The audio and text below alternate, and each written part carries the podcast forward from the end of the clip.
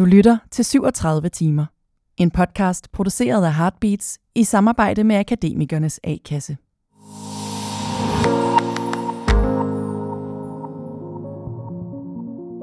Jeg tror, jeg fik virkelig lidt en opvågning for nogle måneder siden, da mig og fire veninder skulle aftale en middag. Og så sidder vi ligesom der, og øh, messenger, bla bla bla bla bla. Og så, bliver vi så laver vi selvfølgelig en doodle, fordi vi behandler jo nærmest allerede vores venskaber, som om det er et voksenmøde på et arbejde, fordi det er fuldstændig umuligt at bare sige en dato. Og så kigger jeg på den der doodle, og de næste tre måneder, der er der to dage, hvor det, kan, hvor det kan lykkes. Og der kan det ikke engang rigtig lykkes. Der er vi nødt til at sige til en, åh, oh, det er den her, det er faktisk den eneste.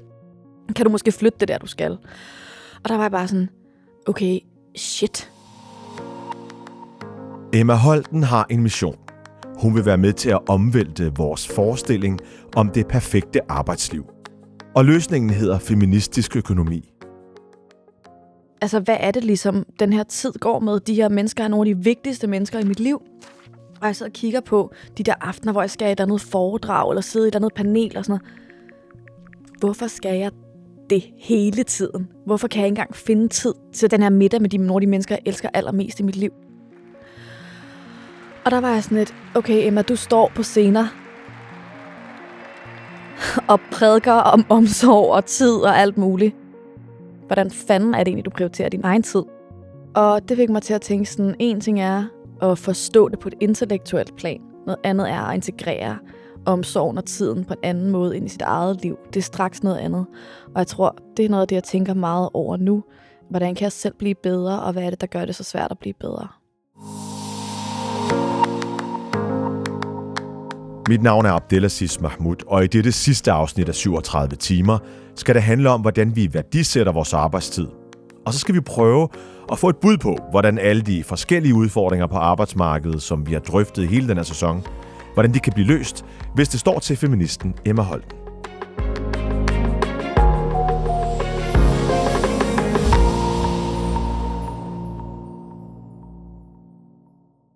Så allerede her i begyndelsen af udsendelsen, Emma, der vil du sige, at noget af det, du kommer til at prædike i dag, det, det er på ingen måde, at du dig selv i nu, selvom du gerne vil have resten af samfundet følge med. Det er meget vigtigt for mig at ikke stille mig op og være sådan ekstremt heldig og sådan lidt, hvorfor gør alle ikke bare som mig? Jeg elsker mine venner, jeg ser dem hver dag og sådan noget. altså sådan overhovedet, jeg tror, grunden til, at jeg laver feministisk økonomi, det er faktisk for at sige sådan, prøv at høre her, the system is rigged, boys and girls and everyone in between, the system is so rigged, at selv når vi kæmper som individer for at få plads til det lille barn, eller den veninde, eller sådan noget, så er der noget indbygget i den måde, vi arbejder, noget indbygget i den måde, som samfundet er struktureret på, hvor omsorg for hinanden ligger allernederst øhm, på stigen af prioriteter. Øhm, og og der tror jeg, at selvfølgelig er der en masse, man kan gøre som individ, prøve at skaffe sig den her tid. Men for mig, der er det lange lys på. Det handler om strukturen på arbejdsmarkedet, det handler om overenskomsterne, arbejdstimerne, de store prioriteringer i staten, i institutionerne. Øhm, fordi at jeg ser individer hver eneste dag virkelig kæmpe for at få omsorg ind i deres liv. Jeg tror, hvis der er noget, jeg har erfaret af at arbejde på det her område, så er det, at mennesker vil gerne tage sig af andre mennesker. Mennesker vil gerne være sammen med andre mennesker. Og jeg synes, der er noget om rørende ved at tænke på, at faktisk ofte så snart vi bare har en lille team et sted, som er i det her crazy, travle liv, så bruger vi det til at se en person, vi elsker. Enormt tit. Og det synes jeg skal guide os til, hvad der skal være idealet for, hvordan vi skal leve vores liv. Det er, hvad er det egentlig, der gør os lykkelige? Og der er et dansk studie, som har vist, at det, der gør os lykkelige, når vi bruger penge, det er ikke at købe en trøje eller noget. Det, der gør os lykkelige, det er at købe ting, der sparer os tid. Øhm, og der giver tid til at tage os af os selv og tage os af andre. Og sådan et samfund er muligt at bygge. Og jeg tror, at hvis vi alle sammen sætter os ned og tænker over det, så kan vi faktisk godt bygge sådan et samfund. Og det er det, som jeg stiller mig op på prædikestolen og snakker om.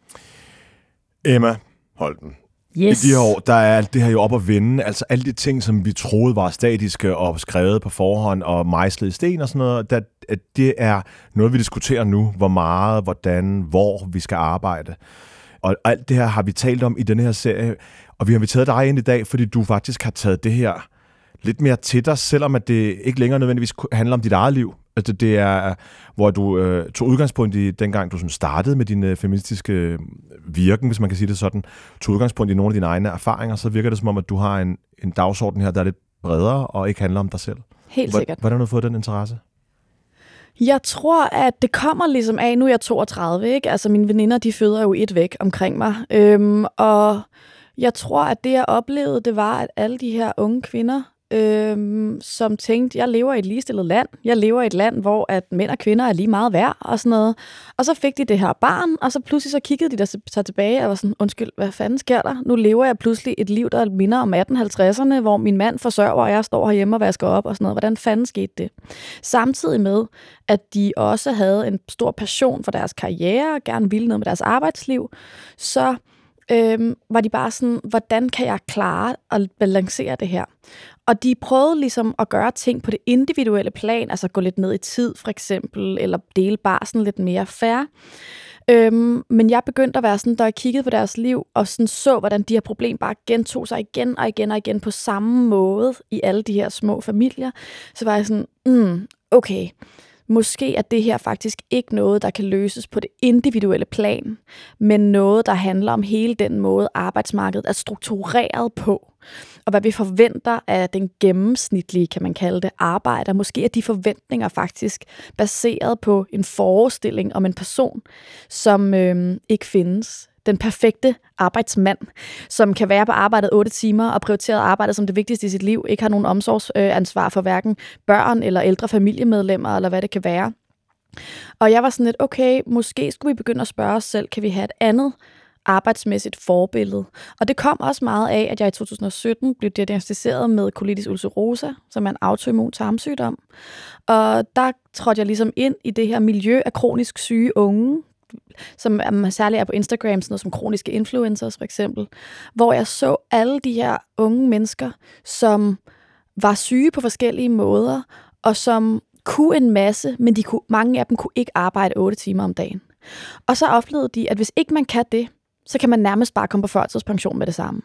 Og jeg var bare sådan, vi må kunne finde en måde, mennesker kan være tilknyttet til arbejdsmarkedet, som ikke handler om præcis de otte timer.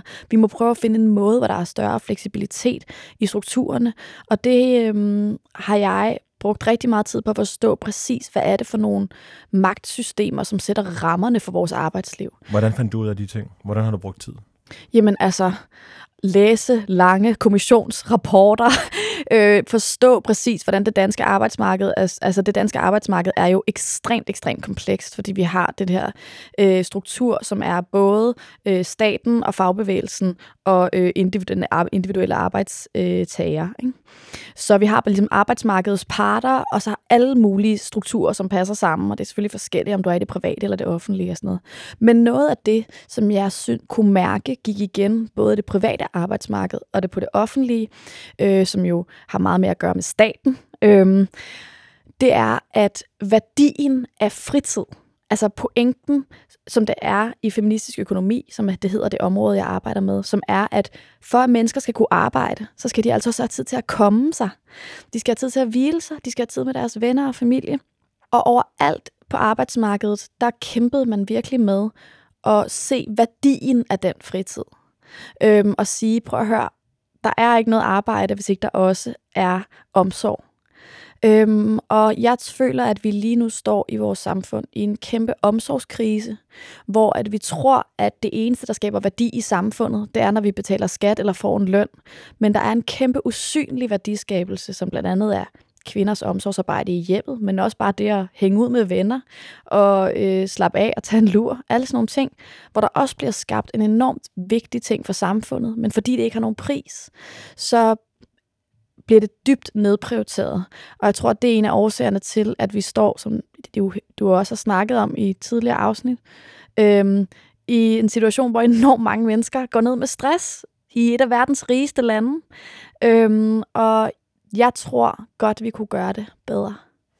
Okay, skal vi ikke prøve at tage nogle af de her ting, så, øhm, som du øh, nævner, kan være til stor gavn for ja, arbejdstager, øh, både mand, kvinde, øh, hvem det nu er, og så øh, samfund i virkeligheden. Fordi det er jeg virkelig spændt på, at jeg, jeg har en for, mm, åbenbart en konservativ øh, forestilling af vores øh, arbejdsliv, at, at hvis man arbejder mindre, så skaber man mindre værdi, eller, eller hvis man skal få mindre i løn eller mere i løn, så er der, altså, at der er et eller andet form for sådan balance, der sådan giver mening, ikke? og en vægt. Så lad os tage den med, med arbejdstiden. Den lyder som om, at den, øh, du, du nævnte 8 timer før, men sådan det statiske i at arbejde bestemt antal timer og sådan noget. Hvordan kan man komme til at arbejde mindre øh, og stadig beholde sin løn? Eller sit, altså, hvad, hvad er det, du mener med, at vi godt kan arbejde mindre? Vi har jo gjort det før.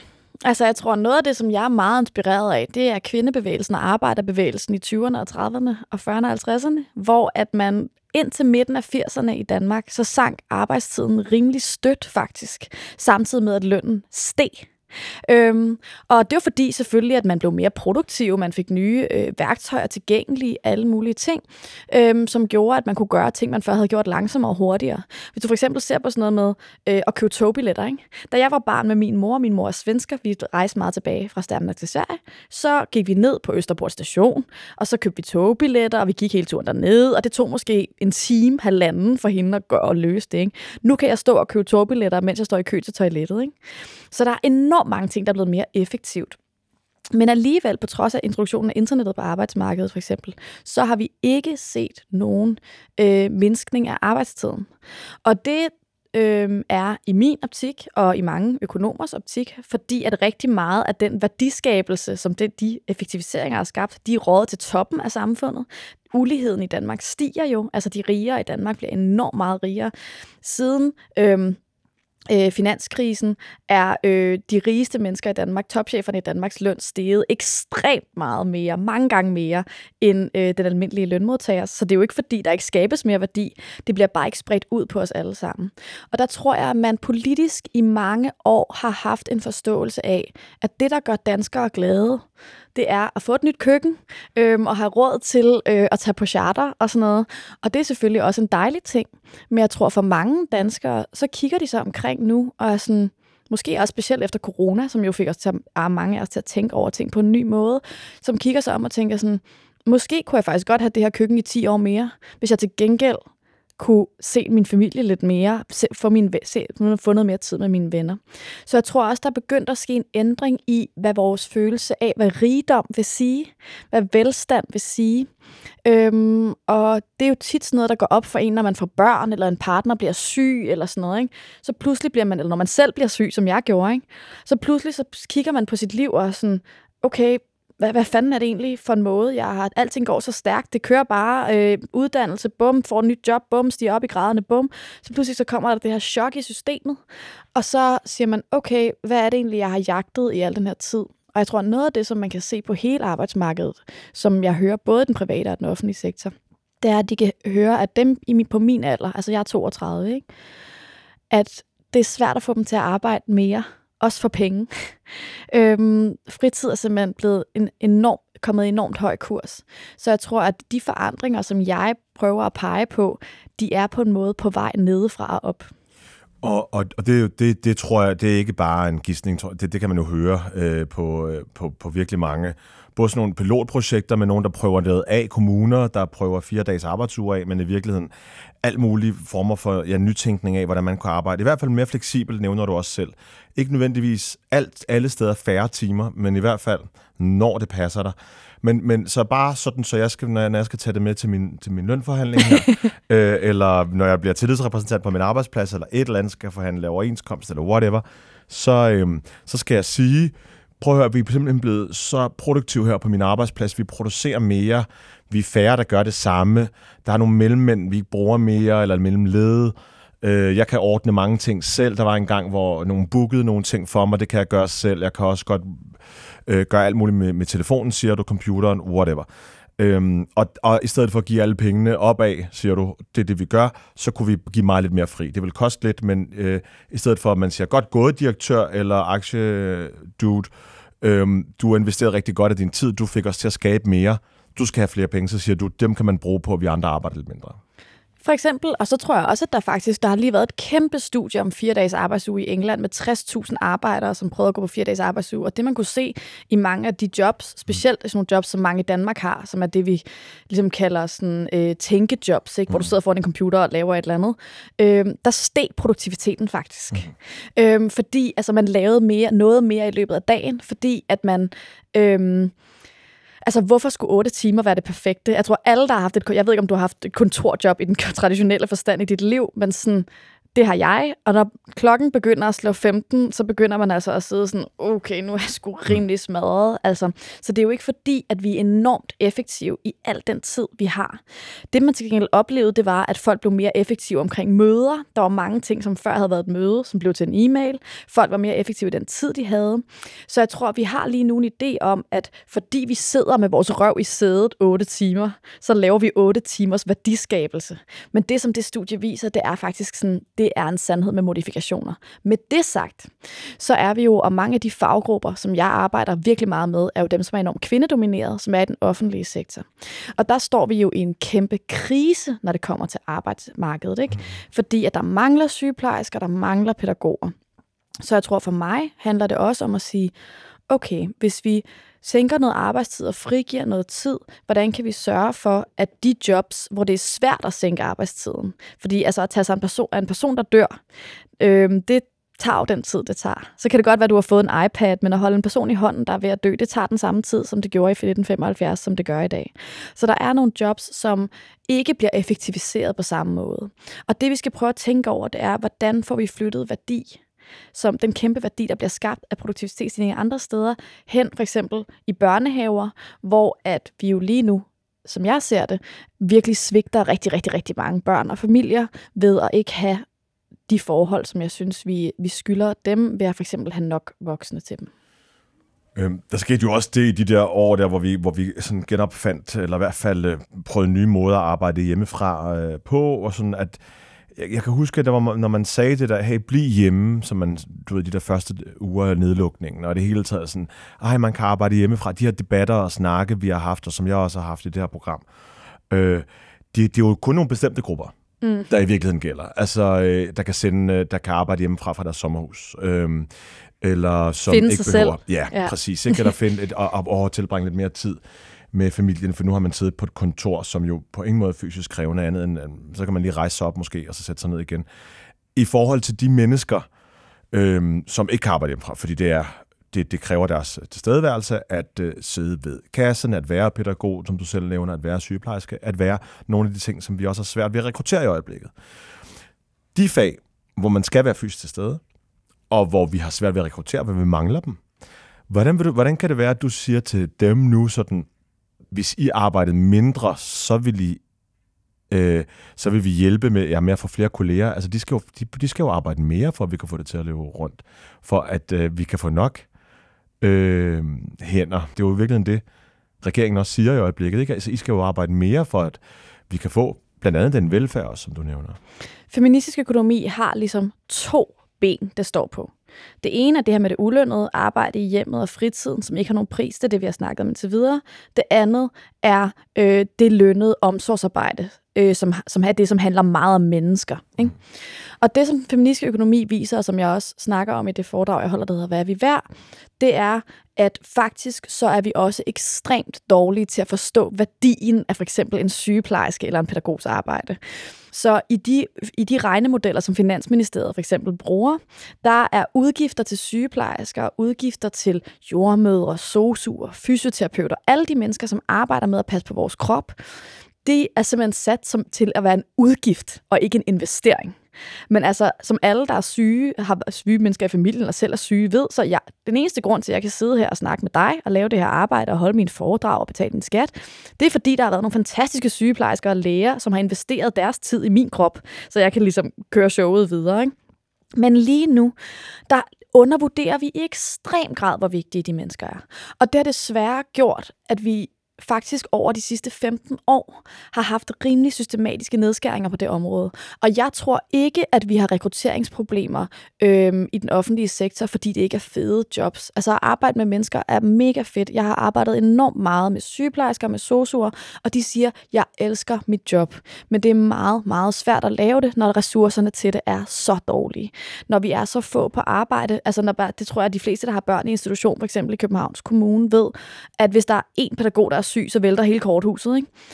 Og de siger sådan, det, det er det, der hænger, der hænger os ud af halsen. Det er det, der gør, at vi siger op, og der mangler. Det er ikke, at det ikke er fedt at lave omsorgsarbejde. Og jeg tror, at det, som ligesom er sådan, hvad skal man sige, the one-two punch i feministisk økonomi, det er at sige, at omsorgen er devalueret. Både den ulønnede, som vi laver i hjemmet, men også den lønnede.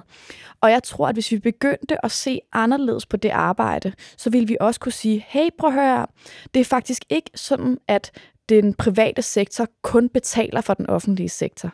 Det, den offentlige sektor og den private sektor giver, skaber værdi for hinanden. Fordi for eksempel, når jeg får hjælp i den offentlige sektor, så kan jeg gå ind i den private sektor og skabe værdi. Ikke? Den værdi, de er gensidigt afhængige af hinanden.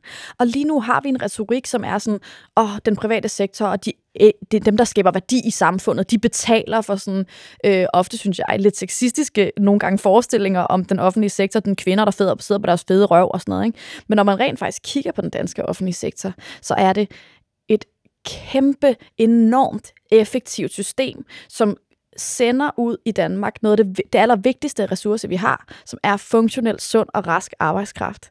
Det er mega vigtigt for den private sektor, at den offentlige sektor fungerer godt, fordi hvis du starter en virksomhed op i Danmark, så skal der være sunde og raske, veluddannede mennesker, som har gået i en god folkeskole, hvor de har lært at lave samarbejde og alt sådan noget der. Så jeg tror, at noget af det, som også har været mit mål med det her, det er, at i stedet for at sige, øh, det er den private sektor mod den offentlige sektor, så sige, begge ting har brug for hinanden. Øhm, og det er mega vigtigt for den private sektor at betale deres skat, så at sørge for, at de får den supply af omsorg, som, at deres ansatte får den supply af omsorg, de skal have. Så jeg tror, at hvis vi begynder at gentænke den private sektor, så skal vi også gøre os selv den tjeneste at sige, hvis vi gerne vil forbedre, hvis vi gerne vil have flere mennesker ind i den, private, i den offentlige sektor, så vi kan få en god, stærk arbejdsstyrke i fremtiden, og så er vi nødt til at investere i det, og se det som noget værdifuldt i samfundet, og se det som det, der giver vores samfund værdi. Øhm, for lige nu, så er der i min optik både en økonomisk devaluering af folk i den, i den offentlige sektor, men faktisk også en kulturel devaluering. Altså vi taler om dem som sådan, kvinder har et omsorgsgen, og det er det, de laver. Vi snakker ikke om det som en kompleks faglighed. Vi snakker, vi sidder, vi, hvis en person er skide dygtig i en klasse, så siger vi ikke, åh, oh, du er virkelig dygtig, måske skulle du blive sygeplejerske. altså så vi har også en devaluerende måde at tale om de her mennesker på, og den kulturelle devaluering, tror jeg også er noget, vi virkelig skal smide ud. Øh, fordi at lave omsorgsarbejde, skal jeg hele tiden sige, sige, er ekstremt, ekstremt, ekstremt svært. Det er meget komplekst, og det handler om emotionel faglighed, det handler om en medicinsk faglighed, en kropslig faglighed, øhm, en institutionel administrativ faglighed, som ofte er i meget kompleks kombination. Og lige nu så har vi overhovedet ikke den respekt og værdisættelse af de fag, som vi skal have. Det er jo sjældent, vi sådan debatterer eller sådan taler om det på sådan et ideologisk plan i den her, den her udsendelse, men jeg kan godt lide, at I her i vores aller sidste program, at vi prøver lidt at ja, fantasere og, og kigge lidt fremad, og sådan, hvad kunne det ideelle arbejdsmarked være med alle de problematikker, vi nu har haft oppe i løbet af sæsonen? Sådan, hvad, hvordan kunne man, kunne man løse det her? Men, men, men hvad er din egen sådan, altså, ja igen, øh, som jeg sagde, så du blev landskendt i, i, i 2014 med øh, at kigge feminisme på en ny måde i forhold til at både bruge dig selv, noget du synes, der var forfærdeligt, der var sket for dig, øh, og så øh, ikke bare tage ejerskab med det, men faktisk sådan stå ovenpå det og eje det, og, og virkelig sådan øh, være, i, i, øh, være et forbillede, og være en, der talte til sidst på vegne af nogen også. Når du gør det her, med det her emne, som måske også har været mandsdomineret, økonomi i hvert fald, og så propper feministisk foran, hvad, hvad møder du så af reaktioner på dem, du gerne denne her gang vil rykke, og denne her gang vil have, skal tænke på noget på en ny måde? Jeg tror, noget af det, som er pissefedt for at sige det mildt, ved at være feminist lige nu, og ved at have været det i Danmark de sidste 10 år. Som det er jo, jeg har jo 10 års jubilæum næste år. Tillykke. Tak skal du have. øhm, det er, at jeg føler, at vi er i en tid, hvor at, som du også selv nævnte tidligere, hvor vi faktisk har nogle meget grundlæggende ting ved livet til debat. Altså jeg kan huske, da jeg gik i gymnasiet, der var det bare sådan, arbejdsmarkedet, det ser ud, som det gør. Uddannelse, det ser ud, som det gør. Øh, den måde, vi behandler mænd og kvinder, eller LGBT plus personer, eller øh, etniske minoriteter, eller hvad det kan være, det er bare sådan, det er. Danmark er sgu et fedt land, det er der ikke noget at gøre ved. Hvor jeg mærker meget mere, om det er fire dages arbejdsuge, om det er klimabevægelse, om det er Black Lives Matter, om det er MeToo, så er der i langt højere grad en åbenhed for at sige sådan, okay, det her samfund kunne måske godt blive bedre. Og jeg kan huske, at jeg gik i gymnasiet, altså der var jeg totalt iskold. Jeg var bare sådan, prøv her, der er ikke nogen, der skal gøre mig til et offer, jeg skal bare ud og klare den. Jeg er bare sådan, jeg er min egen lykkes smed ikke? Sådan havde jeg det virkelig. Og jeg tror, at det, der er så spændende, og det, der giver mig enormt meget håb nu, specielt måske, når jeg snakker med unge mennesker, som er ja, yngre end mig, det er, at de har en lang, enormt sådan, fleksibel tilgang øhm, til, hvordan samfundet kan ændre sig. Hvor at jeg var meget mere sådan, samfundet ser ud, som det gør, og så handler det bare om at få succes på de præmisser. Og så kan det godt være, at der er en eller anden, der kalder dig en fucking luder, eller bøsserøv, eller et eller andet, og det må du bare fucking sluge. Ikke? Mm. Og, og der kan jeg bare mærke sådan, det er der en manglende accept af nu. Og jeg synes, det, det, det var også derfor, jeg tænkte, at efter øhm, jeg holdt det første foredrag om feministisk økonomi i 21, lige efter corona, og jeg havde været interesseret i det helt tilbage fra 2017, men jeg kunne ligesom mærke, at der var noget i gære. Altså folk var klar til den her kritik. Og det kan jeg virkelig mærke, når, når jeg er ude og snakke, altså sådan både blandt, altså sådan, jeg har jo snakket om det her i Finansministeriet og alle mulige steder, hvor man tænker, om der sidder nogle konservative mennesker, tænker man ikke. Men også der, der mærker jeg, at det faktisk er de fleste borgere i Danmark, som jeg møder, er faktisk enormt åbne for at tingene kan se ud på en anden måde. Det er sgu politikerne, der er problemet. Altså, det er dem, der er, altså sådan, når man, altså, det er jo det, der er så sjovt. Hvis du kigger på en person som for eksempel mig og Martin Thorborg, ikke? så tænker man, okay, han er rimelig liberal, ikke? man tænker nok også, at jeg er rimelig venstreorienteret. Men noget af det, vi mødes om, det er, arbejdslivet skal ændre sig. Vi er nødt til at arbejde lidt kortere. Vi er nødt til at have mere tid til hinanden. Der kan vi ligesom møde hinanden. Og jeg synes, der er både på højrefløjen og venstrefløjen i Danmark, sker der lige nu nogle enormt spændende ting i forhold til, selvfølgelig specielt som afledt af klimakrisen, ikke? en åbenhed for, okay, om 10 år, så ser det sgu nok helt anderledes ud, ligegyldigt hvad. Skal vi prøve at tage den øh, forandring på os? Og altså, jeg er fuldstændig overbevist om, at om 10 år, så arbejder de fleste mennesker i Danmark mindre, end de arbejder i dag. Og så kan de sige så meget, de vil inde på borgen i den lille regering om, at vi skal arbejde mere. Men altså, listen to the people. Altså højre, venstre, ung, gammel. Alle tænker over de her ting lige nu. Og der er en bevægelse på vej, som kommer til at være så spændende at se på det er lidt sjovt, at unge har en holdning til lige præcis, hvor meget de skal arbejde, når de ikke rigtig er begyndt endnu. Det er de, virkelig... de er allerede bange. Jamen, det er virkelig interessant, som du ved... Øh, jeg, havde, jeg kommer direkte i dag fra en øh, slags messe for journalistpraktikanter, hvor vi øh, kommer ud og gør os til som øh, arbejdspladser, og meget sund sådan konkurrence alle sammen, hvor vi øh, ja, præsenterer, hvordan det er at være på vores redaktioner, og så kommer de og og lytter og stiller spørgsmål, og så kan det være, at, de, øh, at der kommer et match på et senere tidspunkt. Der var i hvert fald to, der øh, gjorde et indtryk, som normalt ville have været negativt, tror jeg, for nogle år siden, men som jeg lige nu sidder og tænker, om det var så negativt. Og den ene var en ung kvinde, der nærmest som det første siger, en af de sidste runder, hvor jeg også tænker, at altså, dem, der kommer nu så sent på dagen, de vil nok ikke også så meget. Dem skal vi slet ikke overveje. Altså sådan en lidt en konservativ tilgang til det, eller i hvert fald sådan lidt en, lidt en, en øhm, hvad kalder man sådan noget, en titled eller sådan noget tilgang, hvor jeg sådan tænker, vi er bare så attraktive, de skal bare vilde os. Og så siger hun som det første, øhm, hvorfor skal vi vælge jer? Eller sådan noget, hvorfor skal jeg vælge jer? Og så siger jeg, du skal, du skal vælge os. Hallo? Det er dig. Du skal være heldig for at være her. Hvad fanden foregår der? Taknemmelig. Ja, ja, du skal, vi skal, altså, kan du, vil du ikke lige høre om os først, inden du siger, du vil du ikke lige høre om, hvordan arbejdspladsen er, og så kan vi tale om, sådan, hvem der er heldig her eller ej. Nå. Den anden, det var meget, meget spændende, synes jeg, og den tænkte jeg meget længere over bag, for det var en, der sagde sådan, kan I prøve lidt at fortælle mig om stemningen, typerne øh, på redaktionen, hvem kommer jeg til at arbejde sammen med? Og der var jeg sådan, men, men ja, igen, alle andre talte om sådan noget, hvor meget ejer man sin egen historie, eller hvordan udvikler I historien, eller hvordan vinkler I, og hvor, hvor meget øh, er man selv hands-on og sådan noget, og måske også nogle gange sådan øh, deadlines og sådan noget. Men her var der en, der sådan lidt som talte om sådan arbejds, glæde, eller passer jeg ind, eller passer I mig, eller matcher vi godt. Det synes jeg var super, super spændende. Og det var bare til at tænke, at hvis man er sådan en medarbejder, der siger det, for, eller er som dig, du sagde sådan noget, du, du, at, øh, du, du sagde bare lige noget nu her, der fik mig til at tænke på de der, altså, kommer ind på en arbejdsplads, og har den der tilgang lidt kritiske måske, og lidt sådan, sætter spørgsmålstegn ved alt, som du selv siger, alt er op at vende. Det er selvfølgelig sundt på et samfundsplan og på et lidt højere niveau, og på et, et debatprogram, eller i et program om arbejds... Men, men som medarbejder, synes du også, og nu kommer spørgsmålet endeligt, men altså, synes du også, at man skal sådan hele tiden sætte spørgsmålstegn ved, gør vi det rigtigt?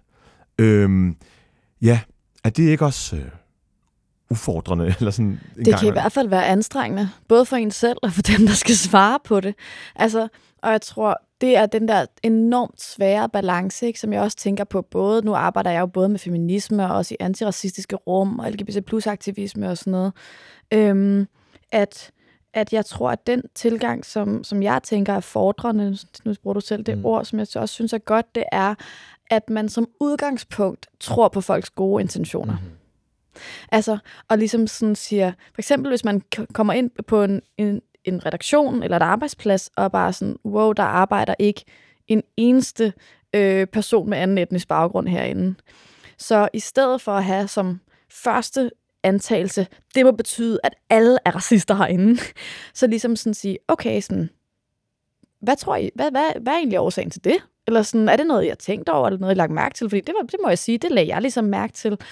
Altså, for jeg tror, at det, som har været min erfaring, og nu har jeg jo snakket om de her emner i Danmark i mange år, også inden det var så moderne at være feminist, som det er i dag, det er, at de fleste mennesker er faktisk ret nysgerrige. Øhm, men de fleste mennesker har en meget negativ reaktion på at føle sig anklaget. Øhm, og jeg tror, at det her med at få forandring, øhm, på arbejdspladser eller i relationer, når det handler om, jeg tror, sådan noget, hun spørger om, det handler jo også om sådan noget som mangfoldighed, ikke? Mm. Altså, øhm, det er... Jamen, jeg, jeg, jeg, spurgte hende, jeg spurgte hende faktisk ind sådan lidt, ja. hvad det var, og så sagde hun sådan, om det var blandt andet sådan noget med, om der var en meget konkurrencementalitet ja, ja, og sådan noget, ikke? Det synes jeg var meget, meget spændende, det synes jeg faktisk var forståeligt, og ja. det var også, altså, jeg synes også, det er vigtigt at sige det, hvis det så er, hvis der så er det, for det er der også nogen, der trives i. Eller, ja, her er det skarpe albuer, ikke? Ja, og det er der nogen, altså, der elsker. Helt klart, og, det, mm. og det, det, det, ja, netop. Øhm, vi siger det, ja, ja, og jeg siger også sådan, du, der, der er også nogle ting, jeg prøver også at skræmme nogle af dem væk med noget, når man, med noget, som, som de bliver nødt til, som, som ikke er til diskussion, nemlig, man skal tale meget telefon på vores redaktion. Altså for at få nogle gæster ind i vores studie, skal du kunne være, øh, ikke være bange for telefonen. Altså det er jeg jo for eksempel. Jeg kan virkelig ikke lide at tale telefon. Øh, jeg kan bare gøre sådan, åh, kan vi virkelig tage den? Jeg venter til den ringer ud, og så skriver jeg, hvad ved du? Øh, men det tror jeg, så jeg vil ikke være god til at line op. Jeg er meget mere sådan, når, når, når, det så er, når vi så er i gang, så er jeg god til, i, når vi sidder over ansigt til ansigt. Ikke? Nå, men det tror jeg bare, jeg siger sådan lidt. Men så er der også nogle ting, der er til diskussion. Helt klart. Altså, gør vi det helt klart rigtigt, og er vi sammensat på den rigtige måde, og arbejder vi øh, det rigtige sted og den rigtige tid? Og bare lige for at blive det, altså hvordan, hvordan kan man skabe den forandring lokalt bedst? Jeg tror, det som vi har været enormt dårlige til i Danmark, det er, at vi alle sammen ret dårlige til at være i det der sådan lidt kritiske rum. Altså det er sådan, enten er du positiv, eller også er du ja, negativ. Ja, ja. Det er bare sådan, enten er du person, en person, der kommer med at gå på mod, og så brokker du dig aldrig, eller også er du en rigtig brokkekone. Ikke? Øhm, og jeg tror, at vi skal blive meget dygtigere til at have den der kritiske nysgerrige samtale. Øhm, specielt måske, når kritikken kommer fra, præcis som du snakker, dem, som er nederst i hierarkiet. Ikke? Praktikanterne, mm. øhm, folk, der er... Øhm, øh, i løntilskud, altså dem, som er aller nederst i hierarkiet. Og jeg tror, at det, der er vigtigt at sige, det er faktisk tit dem, der er aller længst nede, som har noget virkelig spændende at sige om, mm. hvordan tingene fungerer. Fordi de kan på en måde, de interagerer ofte med alle. De ser det lidt udefra, og det er også dem, der tit får lorten. altså nu du er det, som du er vært på mm, programmet, ja. ikke? Altså du ser nok ikke de værste Nej. udskældninger. Det går ikke mm. ud over dig, vel? Mm. Øhm, så jeg tror, at det, som, som jeg synes kunne være spændende nu, det er at sige, i stedet for at sige, at der kommer en masse besværlige unge praktikanter, det er bare sådan, ja, de er besværlige på nogle måder, men måske har de faktisk også nogle indsigter, der kan være mega spændende. Mm. Og det betyder, at for eksempel, altså så, hvis du kigger på for eksempel de ting, der kom frem om TV2 under MeToo. Ikke? Mm. Altså hvis vi bare fjerner alt det der med enkeltpersoner, men han men snakker om miljøet, mm-hmm så, siger de, så er der jo også folk, der siger, det var virkelig hardcore. Og selv folk, der ikke blev øh, udsat for nogen krænkelser eller noget, sagde bare sådan, jeg gik hjem med ondt i maven tit. Ikke? Og det, som jeg så sidder og tænker som feminist, er, hvorfor er det ikke blevet sagt? Hvorfor, er der ikke nogen, hvorfor har den samtale ikke været der? Og det tror jeg er, fordi vi i Danmark har meget den der med sådan, øh, du skal være positiv, du skal være pakke på mod. Men faktisk er det mega ofte omsorgsfuldt for stedet at sige, prøv at høre, jeg elsker at være her, jeg synes, det er mega spændende at lave det her, men vi taler simpelthen til, til hinanden på en måde, som ikke går her.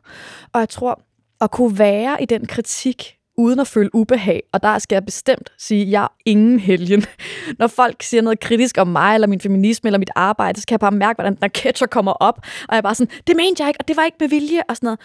I stedet for at prøve at gå ind i den, og være sådan, okay, hvad er det, du siger til mig? Øhm, fordi tit så kommer det faktisk fra et sted af omsorg øh, og, og, og, og få ønsker om at forbedre tingene. Og jeg tror, det er det, vi virkelig kan blive bedre til i Danmark. Fordi det, som vi så under MeToo, Black Lives Matter og hele den her arbejderkritik, det er jo, at der er folk, der går rundt med en masse følelser og har en masse vigtige ting at sige, som ikke ender hos de rigtige mennesker. Og derfor så kan der være 100 mennesker på en arbejdsplads, som alle sammen er træt af den samme ting, men ingen siger noget. Og det er jo også rimelig absurd. Har du så selv prøvet på egen krop overhovedet i et arbejdsmiljø? Du har et meget utraditionelt arbejde, og meget, øh, tænker jeg, altid i der flex, og, og også øh, forskelligt fra, fra uge til uge. Sådan. Men har du prøvet at blive vurderet på en anden måde, hvis vi skal blive det her sådan også feministiske, øhm, hvor du godt, altså hvor du tænkte, der ikke, det er ikke bare det strukturelle, der er også, der er også et syn på mit køn, som, øhm, som skal ændres. Øhm, når du nu siger, at det her det, det sidste ende bunder i nogle strukturelle ting, som også går på, på køn. Altså nu er jeg jo selvstændig igen, men jeg har jo også haft faste jobs øhm, gennem hele mit arbejdsliv. Øhm, jeg begyndte at arbejde i 8. klasse.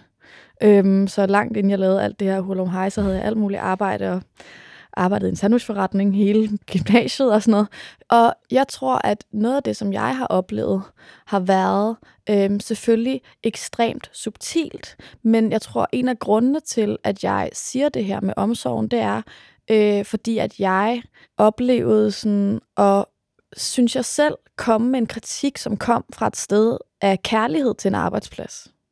Hvor bare sådan, jeg elsker at være, jeg elsker det arbejde, jeg laver, men jeg føler, at det her virkelig fungerer dårligt. Og så bare blive puttet i sådan en bås, som var sådan den sure feminist, som altid brokker sig. Yeah. Og det er sådan, det har været enormt frustrerende, for jeg føler faktisk, at jeg er en rimelig happy-go-lucky person. Mm.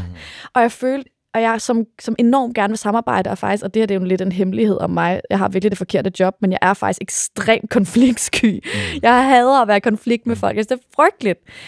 Nu kan jeg ikke huske præcis, hvad det var, men at, at der var det bare sådan, Åh, selvfølgelig har du noget at brokke dig over. Ikke?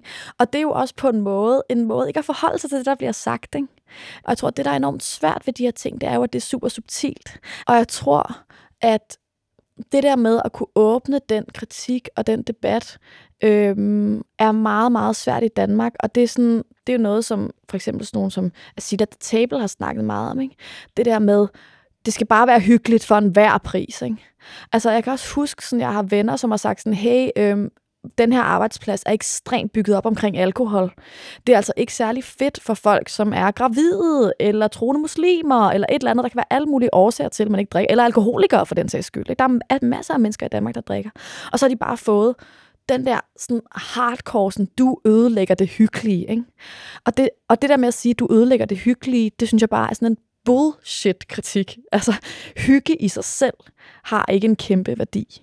Øhm, og hvis nogen siger, at det er ikke hyggeligt, så er der jo ikke hyggeligt. øhm, så jeg tror, det er meget mere det der med, kan vi sørge for at gå ind i det kritiske rum, og ikke synes, det er uhyggeligt. Mm. Øh, og det tænker jeg meget over, fordi lige nu, som jeg også nævnte før, der er bare nogle ting, nogle ret lavt hængende frugter af ting, vi kunne forbedre på det danske arbejdsmarked, som ikke for folks arbejdsforhold, for deres trivsel, som øh, ikke bliver forbedret, fordi vi har en ekstrem konfliktskyhed i vores måde at omgås i det her land. Er der noget, du selv ville gøre anderledes i dit arbejdsliv? Havde du vidst, øh, du nu ved, eller sådan, hvis du i de sidste 10 år øh, vidste, at det, det var til debat, og det er op at vinde, og det er faktisk noget, som er i udvikling, er der så noget, du ville øh, have gjort anderledes for at få mere fri, tjene flere penge, øh, blive gladere i dit arbejdsliv?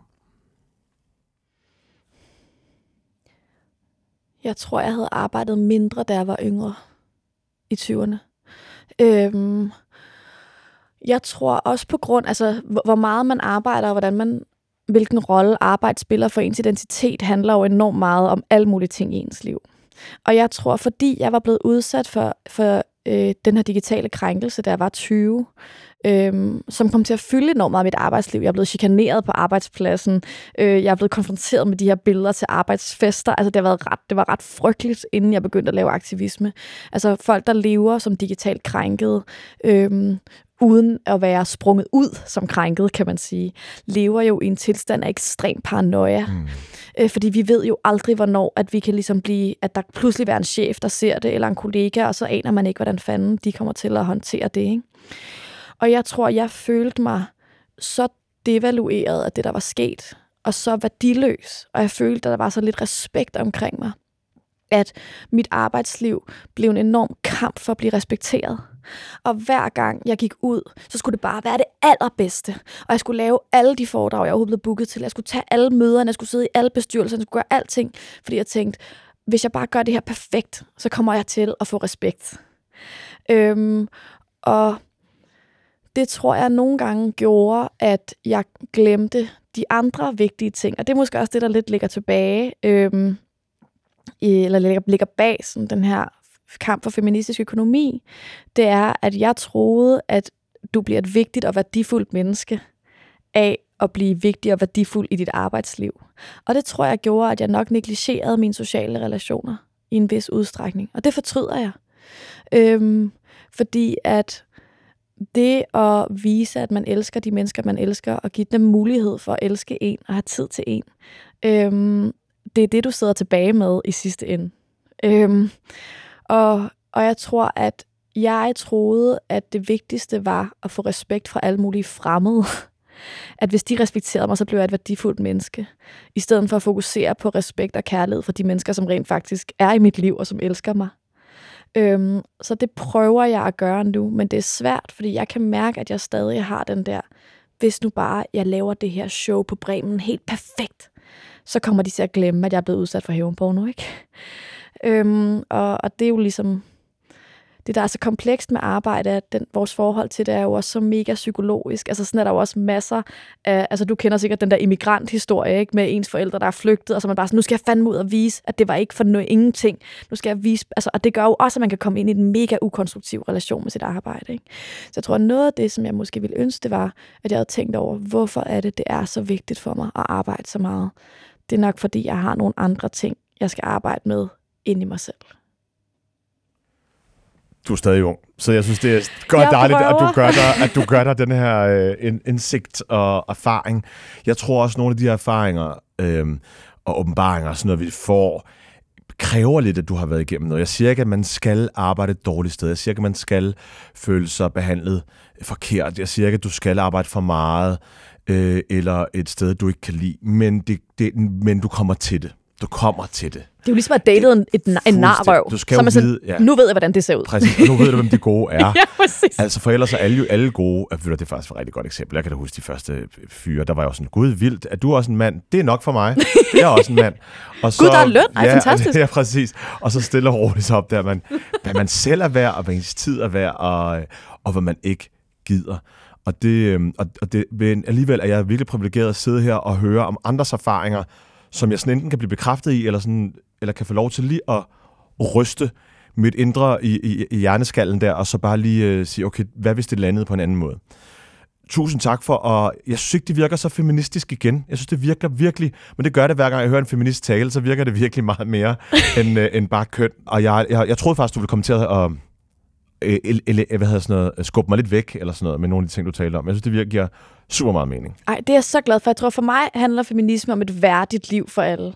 Altså vi, og det handler om at se på, hvad der har værdi i vores samfund. Fordi vi er jo sådan, historisk, så har det haft mere værdi at være mand, at være hvid, og være hetero, og alle de her forskellige ting. Men det, som, som jeg føler, feminisme er for mig, det er at sige, hvad er det, vi værdisætter, og hvorfor værdisætter vi det? Øhm, og hvad vi værdisætter, det har jo også mega store konsekvenser for alle uanset deres køn. Det har jo heller ikke været fedt for mænd, at det er blevet værdisat at være mand på en særlig måde.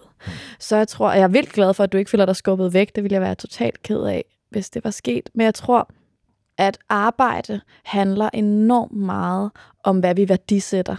Øhm, både i vores liv, i vores relationer, men også i hele vores samfund. Og jeg tror, at mange er begyndt at tænke, der er faktisk nogle ting, der har mere værdi, som har været usynlige, øhm, og som begynder at blive synlige, øhm, som vil skabe nogle virkelig spændende forandringer for os alle sammen. Tak skal du have, Emma Det er mig, der takker for invitationen. Det var altså det sidste afsnit. Jeg håber, du kunne bruge de forskellige emner om det moderne arbejdsliv til noget. Selv tænker jeg fortsat meget på, hvordan og hvor og hvor meget jeg skal arbejde. Og jeg tror altså snart, der skal ske noget. Husk alle de tidligere afsnit af 37 timer ligger tilgængelige der, hvor du plejer at finde din podcast.